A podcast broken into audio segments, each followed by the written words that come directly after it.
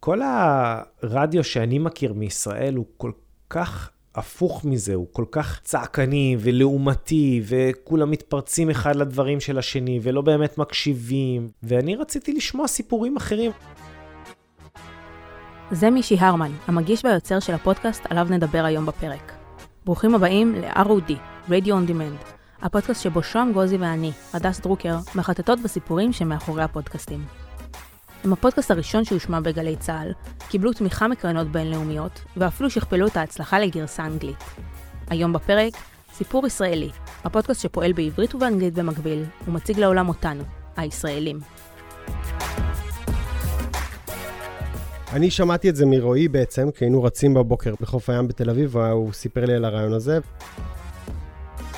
שמי יוחאי מיטל, אני מהיוצרים והעורך של סיפור ישראלי. אני רועי גילרון, אני אחד מה, מהמקימים של סיפור ישראלי, אנחנו מכירים מכיתה ה' ואנחנו חברים מאוד טובים, כולנו הקמנו באותה מין תנועת נוער קטנה ונישתית שקוראים לה נועם. סיפור ישראלי זה היה הניסיון הראשון להביא לישראל ולרדיו הישראלי, לא רק לעולם הפודקאסטים, אלא לרדיו ה-FMי, את הרעיון הזה של לספר סיפור בנחת, ברוגע, בלי צעקות. סיפורים שונים של ישראלים שונים ומשונים, סיפורים אמיתיים מהחיים שלהם. שמי מאיה קוסובר, או מאיה פוגל קוסובר, ואני אה, אשת רדיו ופודקאסטים, הכוח האנשי שגויס, בעצם חברת מערכת בסיפור ישראלי. אני מישי הרמן, וברוכים הבאים לעוד פרק של סיפור ישראלי. והפעם, תמיד אישה. Now boarding. Stories from the airport. Out of Africa and back again. ג'מאל בשאר מטירה לדוגמה. נולד לפני הזמן, משפחה לא בוחרים. And we're gonna do so by telling a story about a place. והפעם, אבא, יש רק שניים. זה נולד במוח של חבר שלי, מישי הרמן. פשוט נחשף לפודקאסטים כשהוא היה בארצות הברית.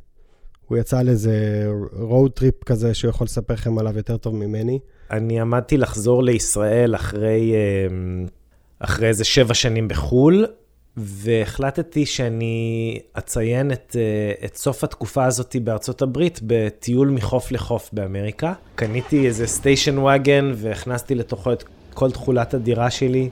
וחבר הכי טוב שלי מהילדות, רועי, לפני שיצאתי למסע הזה, רועי אמר, תשמע, אתה הולך לבלות המון המון זמן באוטו, אז בוא אני אוריד אה, משהו שנקרא אה, פודקאסט לטלפון שלך.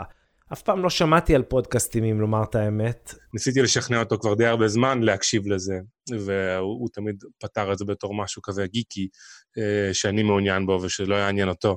די התעלמתי סך הכל מההמלצה שלו להקשיב לפודקאסטים. הוא הוריד משהו כמו 200 פרקים של אה, פודקאסט אה, שנקרא This American Life. This American Life זו תוכנית רדיו ותיקה מאוד, שהפכה אה, לפודקאסט מצליח מאוד, שיש לו מיליוני מאזינים. ומאזינות בארצות הברית וברחבי העולם בכלל. אה, מגיש את התוכנית הזאת יהודי יקר בשם איירה גלאס, ובכל פרק של This American Life ניסו לספר סיפורים מחיים של אמריקאים. באיזשהו שלב הגעתי לבייבל בלט, לאמצע ארצות הברית. החלטתי, טוב, אולי בכל זאת אני אקשיב לפודקאסט של רוי, והקשבתי לפרק הראשון של This American Life שאי פעם הקשבתי לו. From WBEZ Chicago, it's This American Life, distributed by Public Radio International. I'm Ira Glass. ואני זוכר את הרגע הזה במפורש, כי אמנם לא ידעתי את זה באותה תקופה, אבל הרגע הזה שינה את החיים שלי. היה גשם זלפות בחוץ, והרגשתי איזו תחושה ממש כמעט, אה, כמעט קסומה, ש... הנה, למרות שאני יושב בתוך האוטו שלי והקולות האלה בוקעים מתוך אוזניות שנכנסות ישר לתוך האוזניים שלי, באיזשהו אופן קסום אני מועבר לכל מיני מציאויות אחרות וחיים אחרים, וכל האנשים האלה זה אנשים שאני בחיים לא אפגוש אותם, אלמלא הייתי יושב כאן באוטו ומקשיב לתוכנית רדיו הזאתי. ואני חשבתי שאולי, אם אנחנו יכולים לעשות איזושהי גרסה ישראלית של This American Life, אולי אנחנו יכולים להעניק למאזינים שלנו מתנה ולמשך דקה, למשך 90 שניות, למשך 30 שניות, אולי הם יכולים להשעות את השיפוטיות שלהם, לא לשים את הבן אדם הזה בקופסה, ובאמת להתייחס לבן אדם הזה בתור בן אדם, ולהקשיב לסיפור שלו, וכך עם התקווה והחלום הזה יצאנו לדרך. סיפור ישראלי זה... החוצפה הישראלית שהובילה אה, כמה בחורים צעירים ומוכשרים מאוד, לחשוב שאפשר לעשות את היצירה הזאת בעברית. כי עד אז הרדיו הישראלי, בטח בשנים שסיפור ישראלי התחילה, פחות עסק בעניין הזה של storytelling. המשכתי בטיול הזה, הקשבתי להרבה מאוד פרקים של This American Life, ואז חזרתי לארץ. עברתי לדירה בנחלאות. ואז הוא כינס כמה מאיתנו ואמר בוא נעשה את זה. בפגישה הזאת פשוט דיברנו על אילו סיפורים אנחנו רוצים לעשות, ומין ישיבה כזאת פשוטה של סיור מוחות. פשוט אה, לקחנו איזה חתיכת קרטון ענקית כזאת, והתחלנו לזרוק רעיונות לסיפורים. אני זוכר את מי שמספר את הסיפור שלו, שהוא באחד הפרקים הראשונים סיפר, ש, ששמעתי אותו גם אלפי פעמים קודם לכן, אה, על הפרידה שלו מחברה מיתולוגית שהייתה לו נועה. מערכה ראשונה, תגיד אחי, לאן אתה מגיע? סיפור על מסע טרמפים שיצאתי אליו בחיפוש אחר הגמישות. חברה שלי נועה נפרדה ממני בסוף הקיץ של שנת 2008. עד אותה פרידה... אז, אז יש כמה סיפורים כאלה שנחרטו בזיכרון. אני זוכר את הסיפור של יוחאי על, על המשקיף מעין אשקף ואת הביצוע של, הראשוני של זה. אוקיי, okay, אז הנה יוחאי מיטל והמשקיף מעין אשקף. פה שתי מעיינות שנקראים עין השקף, מאוד מדהימים, כל מי שמכיר ממליץ. אה, אספנו כסף, קנינו מכשיר הקלטה, עבדנו על הפרק הראשון הזה למעלה משנה, כי לא ידענו כלום, היינו צריכים ללמוד איך להקליט ואיך לערוך. באיזשהו שלב התחלנו גם לעשות uh, ערבי סיפורים, כי לא ידענו איך, לה, איך למצוא סיפורים, אז התחלנו, הערב סיפורים הראשון היה אצלי על המרפסת בנחלאות, ו... היה, הייתה אווירה ממש קסומה, קנינו כמה בירות ואבטיח, ובאו איזה כמה חברים, פרסמנו קצת בפייסבוק, ובאו חברים וסיפרו סיפורים בלייב, והקלטנו אותם. זאת הייתה דרך גם לגייס קהל, לנסות סיפורים שחלקם מעולם לא עלו לתוכנית בגלל שהם לא עבדו, לדוגמה מול קהל. אה, מישהי בתחנת תחתית בלונדון ואיזושהי אה, תקלה מצערת שהייתה לה שם, וכל אחד מהם, אני ממש זוכר את, את המקום שהייתי בו כשהקשבתי לו. לא ידענו יותר מדי, התחלנו קצת לראות סרטונים, אה, איך לערוך בתוכנות חינמיות, ואז אני אה, יצרתי קשר עם האנשים מ-This American Life, ושאלתי אותם אם אנחנו יכולים לבוא לדבר איתם, והסתבר שאחת המפיקות שלהם, אישה מאוד מאוד אה, מוכשרת בשם ננסי אפדייק, באותה תקופה גרה בארץ במקרה. ושאלנו אותה אם, אם אנחנו יכולים להיפגש איתה, ו...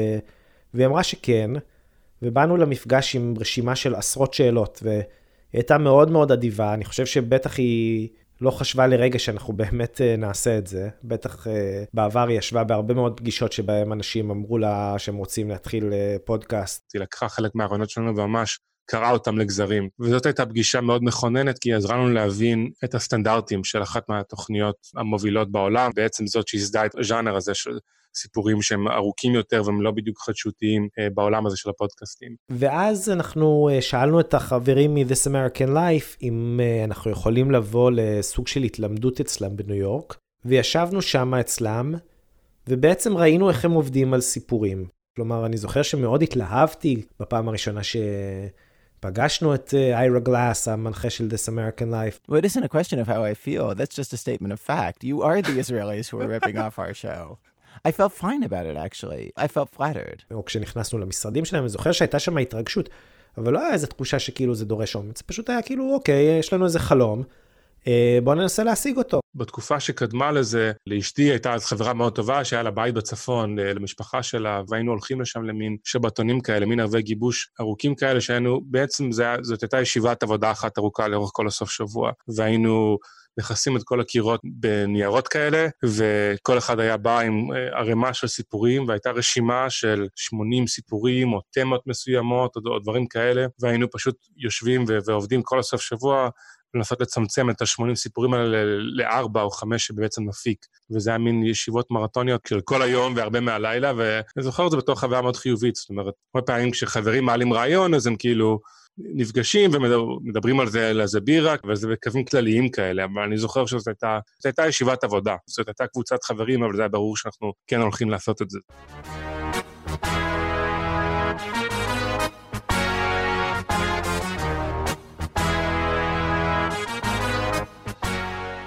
החיבור לגלי צה"ל הגיע ממש במקרה, ובזכות החוצפה של מישהי.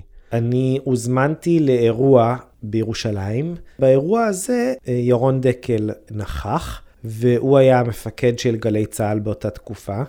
כל הזמן uh, שמתי לב uh, איפה הוא נמצא בחדר, ובאיזשהו שלב הוא ניגש לשולחן הבורקסים, הכניס איזה משה בתיבה לתוך הפה שלו, ואז אמרתי, טוב, הנה הגיעה שעת הכושר, יש לי איזה 20 שניות של זמן אוויר בזמן שהוא uh, לועס והוא לא יוכל להגיב. אז ניגשתי אליו ואמרתי לו, שלום ירון, מה שלומך? קוראים לי מישי, אתה לא מכיר אותי, אבל אני המנחה, היוצר והמנחה של אה, פודקאסט חדש שאני עושה עם אה, קבוצת חברים. וחשבתי, אולי אתה תרצה להאזין, אולי זה יהיה משהו שיעניין אותך ביום אחד לשדר. ואני חושב שהוא היה כל כך המום, גם מעצם זה שהוא ניסה לא להיחנק על המשה בתיבה שלו, וגם מ... מהישירות שלי, וגם בראש ובראשונה מזה שאני חושב שהוא פשוט לא הבין על מה אני מדבר, כי אני לא בטוח שהוא הכיר את המילה פודקאסט. והיה עליו דיסק עם הארבע פרקים הראשונים שלנו, או הפרק הראשון שלנו, והוא פשוט הביא לו את זה.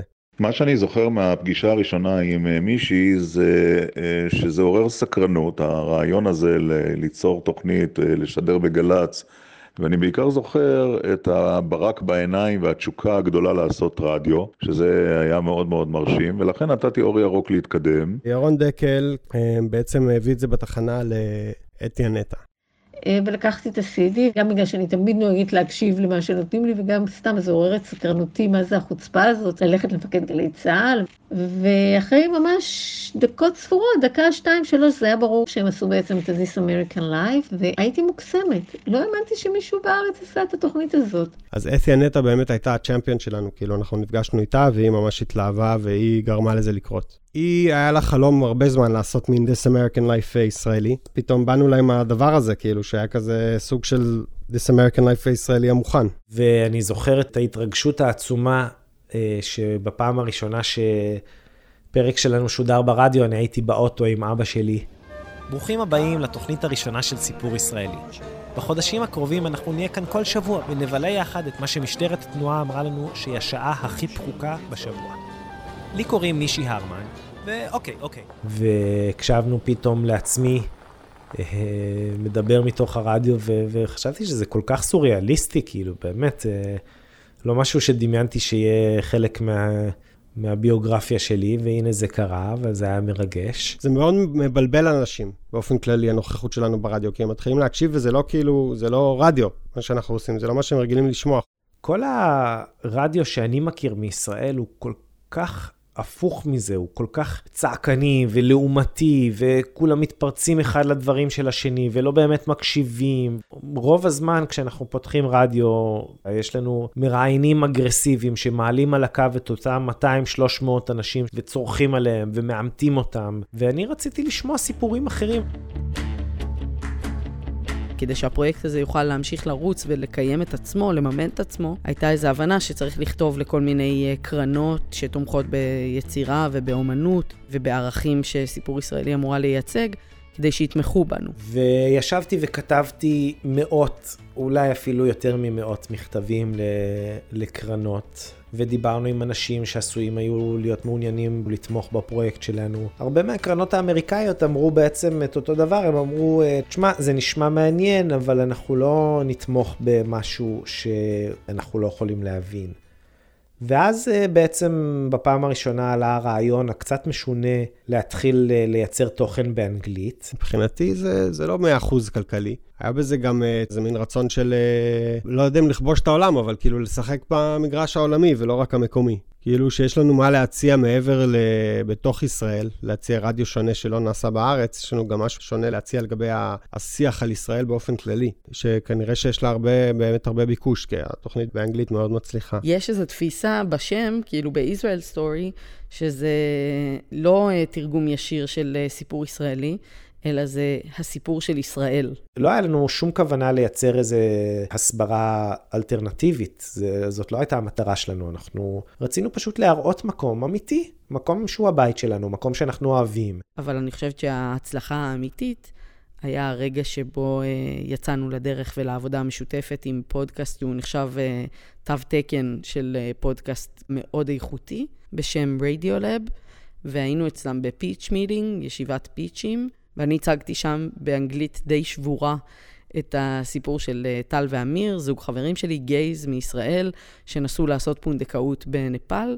בשלב שבו הייתי שם ב pitch, הם היו כמה ימים אחרי רעידת אדמה, והשמעתי שם ב- בישיבת הפיצ'ים את האינסרט שטל שלח לי בטלפון אה, הנייד שלו, אינסרט שהוא הקליט ממש דקות ספורות אחרי רעידת האדמה. אינסרט שנקטע באמצע כי כל קווי התקשורת קרסו, והשמעתי אותו בחדר. אף אחד בחדר, חוץ מהצוות של סיפור ישראלי, לא דיבר עברית. רגע הייתה רעידת אדמה, אני כולי רועד. הכל בבית נפל, רצנו מהר לילדים, ירדנו. ושנייה אחר כך הייתה דממה. לחלק מהאנשים היו ממש דמעות בעיניים. בסוף ישיבת הפיצ'ים הזאת הם אמרו, יאללה, אנחנו רוצים לעבוד איתכם על הסיפור הזה ולייצר גרסה שלו באנגלית. ואז יצאנו למסע מרתק, הפך לתחקיר של גילוי מעמיק של כל הנושא הזה של פונדקאות uh, במדינות עולם שלישי. ואני חושבת שזה גם סיפור ששינה משהו בקטנה, באופן שבו זוגות uh, גייז חושבים על האופן שבו הם רוצים להביא ילדים לעולם. כולנו נוכחנו לראות שלנשים יש אה, דימוי מאוד מאוד משונה של ישראל. ישראל שאנשים אוהבים והישראל שאנשים שונאים זה איזשהו מקום שהוא בגדול דמיוני. אבל אני חושבת שבאופן כללי, יש לנו דיונים על כל סיפור כמעט. והרבה מהשאלות שנשאלות זה למה דווקא הסיפור הזה? איזה ערך מוסף יש לו? האם אנחנו מספרים אותו מכל הזוויות האפשריות? והדיון הכי משמעותי הוא תמיד על האופן שבו הסיפור הזה צריך להיות מסופר, כי סיפור זה לא דבר שקיים בעולם, הוא בעצם השתקפות של המבט שלנו על משהו שקיים בעולם. לפעמים אנחנו נתקלים בסיפורים שהם גבוליים מבחינת הקשר שלהם הישיר לישראל. אני חושב שיש לנו הבנה די רחבה של המושג ישראליות. היה לנו סיפור שעשינו, אבל הוא היה מאוד גבולי. איזה בחור ש... שבעצם היה לו סרטן, שהוא ניצל ממנו כאילו, אבל היו לו הרבה מאוד בעיות רפואיות, והוא התמודד איתם עם טיפולי איוואסקה, והוא היה יהודי אמריקאי. הקשר היחיד היה שהשאמן שלו היה איזה אוקראיני יהודי שגדל איזה חמש שנים בארץ, ואז נפלט לאיזה כת בקליפורניה ואז לפרו. That? That is me taking long, deep breaths as the shaman begins to sing the traditional ayahuasca chants called Ikaros. Ayahuasca is a spiritual teacher, and like one of those old school rules... אני אישית מאוד ליברלי בדבר הזה, אם יש לזה איזשהו קשר. אפילו הדבר הכי רופף מבחינתי זה מספיק. זה יכול להיות אפילו בן אדם לגמרי, נגיד, לא ישראלי בכלל, שפשוט מתעניין בישראל, או היה בישראל דקה מבחינתי. ובמובן הזה זה כאילו איך מביאים סיפור של חברה דרך תתי הקבוצות שיש בה, דרך אנשים ונשים, דרך סיפורים אישיים. קרו לכולנו המון דברים אישיים בחיים שלנו. והדברים האלה שקרו לנו, הם היו חלק מחומר התבערה שהדליק את המכונה הזאת שנקראת סיפור ישראלי, וגרם לנו לצאת ולחקור בעוד תחומים ולספר עוד סיפורים, ובעצם הכל מעורבב, החיים והיצירה, הסיפורים הם גם סיפורים שלנו וגם סיפורים של אנשים אחרים, וכל הדבר הזה יוצר איזה מין אה, אמת מאוד גדולה, ובגלל זה סיפור ישראלי היא סיפור הצלחה גם בעברית וגם באנגלית. הלוואי והיינו יכולים לעשות יותר בעברית, אם זה היה יותר משתלם, אבל uh, כשאנחנו קצת מתבגרים, כשאתה מנסה לתחזק מכונה כזאת לאורך זמן, התוכן שאנחנו עושים הוא כל כך uh, כבד מבחינת הפקה וכמות uh, שעות אדם שצריך כדי להפיק סיפור כזה, שחייבים להתחיל לחשוב uh, מאוד פרקטי. קשה לעשות ממש הרבה תוכן בעברית, כי זה לא, לא משתלם. ובמובן הזה התאפשר לנו לעשות את הדבר שהכי מעניין אותנו ולהצליח להתקיים ממנו ולקיים אותו כארגון וכעמותה. וזה לא מובן מאליו לפודקאסט עצמאי. ולכן אנחנו uh, אנשים uh, ברי מזל. כיף לראות איך משהו שהוא היה כל כך קטן לפני עשר שנים גדל, זה גם מראה איך איזשהו עניין של תזמון הוא גם מאוד חשוב. זאת אומרת, אנחנו באיזשהו מקום היינו במקום הנכון, בזמן הנכון, כשהדבר הזה גדל בארץ, אז אני חושב שזה גם מאוד עזר לנו. אם היית שואלת אותי באותה תקופה, אם בעוד שמונה, תשע שנים אני עוד אעסוק בזה, הייתי נראה לי אומר שהסיכויים מאוד קטנים. לא היה לנו שום אה, חשד, ולו הקל ביותר, שזה הולך לצמוח למה שזה צמח אליו. תמיד אומר שהמיקרופון שלי הפך להיות כמו איזה שרביט קסם, כי הוא מקנה לי כרטיס כניסה לתוך בתים של אנשים שהם מאוד מאוד שונים ממני בכל צורה.